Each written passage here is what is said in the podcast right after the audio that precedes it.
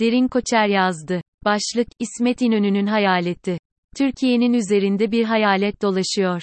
İsmet İnönü'nün hayaleti. İktidarın bütün dal kavukları bu hayaleti defetmek üzere bir ittifakın içindeler. Cumhur İttifakı'nın adamları ile ondan tek farkı mülteci düşmanlığı olanlar, muhalefet ile iktidar arasında hiçbir fark olmadığını gençlere yutturmaya çalışan oyuncularla şahsi bekalarını bu iktidarın geleceğine yatırmış rant mafyaları.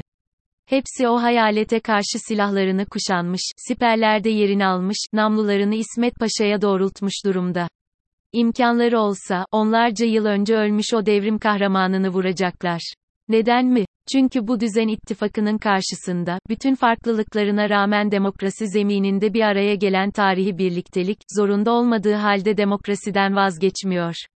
Üstelik kendi dal kavukları demokrasiden kolayca vazgeçmeye teşne olsa da Millet İttifakı ve etrafındaki demokratik güçler için demokrasi zemini bir olmazsa olmaza dönüşmüş durumda. Her ne kadar kimi eskimiş, buruşmuş, otel odalarından siyaset yapılabileceğini zanneden eski muhalefet kodamanları, başkanlık sisteminin Cumhurbaşkanına verdiği güçler restorasyon için kullanılmalı, demekten imtina etmese de tarihi sorumluluğunun farkında olanlar bu iddialara yanaşmıyor bile. Bu, zorunda olmadığı halde, Türkiye Cumhuriyeti'ne demokrasiyi hediye eden İsmet İnönü'nün tarihi bilincinin, bugünkü muhalif siyaset elitlerince anlaşılmış olduğunu gösteriyor. Zira her ne kadar Mustafa Kemal alerjisi tarihi anlamlandırma yetilerinin önüne geçmiş entelektüel dalkavuklar İnönü'nün ülkeyi demokratikleştirme hamlesini, NATO'nun, ABD'nin zorlaması olarak anlatsa da hakikat bundan çok uzakta. İsmet Paşa için demokrasi bir araç değil amaçtı. Muasır medeniyet olmanın ana koşuluydu. 1919'da başlayan mücadelenin, varması gereken ana hedefti. Şahsi bir davaydı. Nereden mi biliyoruz? Barın Kayaoğlu'nun ince işçilikle yazdığı Türkiye-ABD ilişkilerinin 1945 ve 1952 yılları arasındaki tarihinden biliyoruz. Soğuk Savaş'ın başları. Yani dünyanın dört bir yanı Sovyetler Birliği ile ABD arasında bir seçim yapıyor. Türkiye'de hem Sovyetlere ve Avrupa'ya yakınlığı, hem de Orta Doğu'nun ve Akdeniz'in kapılarını tuttuğu için stratejik öneme sahip. Üstelik Sovyetlerin tehditleri, rejimi doğrudan tehdit ediyor. Sosyalist dikta, Türkiye'den toprak talep ediyor. Bu yüzden de İnönü yönetimi, ABD ile kurulmakta olan Batılı Savunma Birliği için görüşme halinde.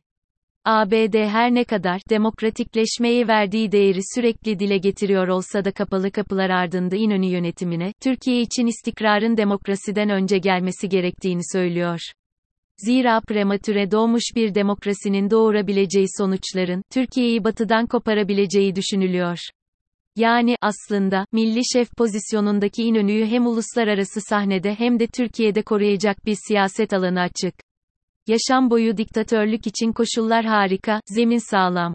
Fakat 1945 yılında İnönü, Amerika'dan gelen ziyaretçilerini Amerikan Büyükelçisi ile beraber Ankara'da ağırlarken, siyasi geleceğine dair gelen bir soruya, odadakileri şaşkınlığa çeviren bir cevap veriyor, mecliste muhalefetin lideri olarak oturabileceğim gün, görevimi tamamladığımı düşüneceğim.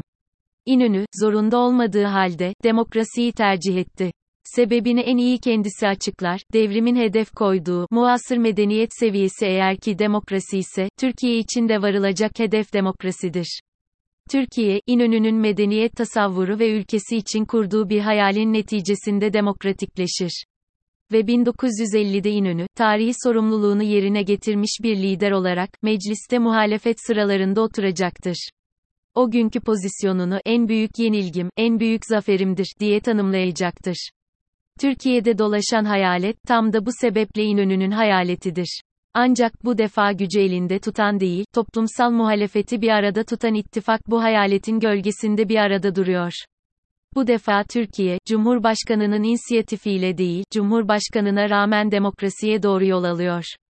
Eğer muhalefet üzerindeki bu tarihi sorumluluğu kendi içindeki dal kavuklara rağmen taşıyabilecek kadar güçlü omuzlara sahipse, İnönü'nün 10 yıllar önce kurduğu Türkiye hayali, Cumhuriyet'in 100. yılında hakikat kılınabilir.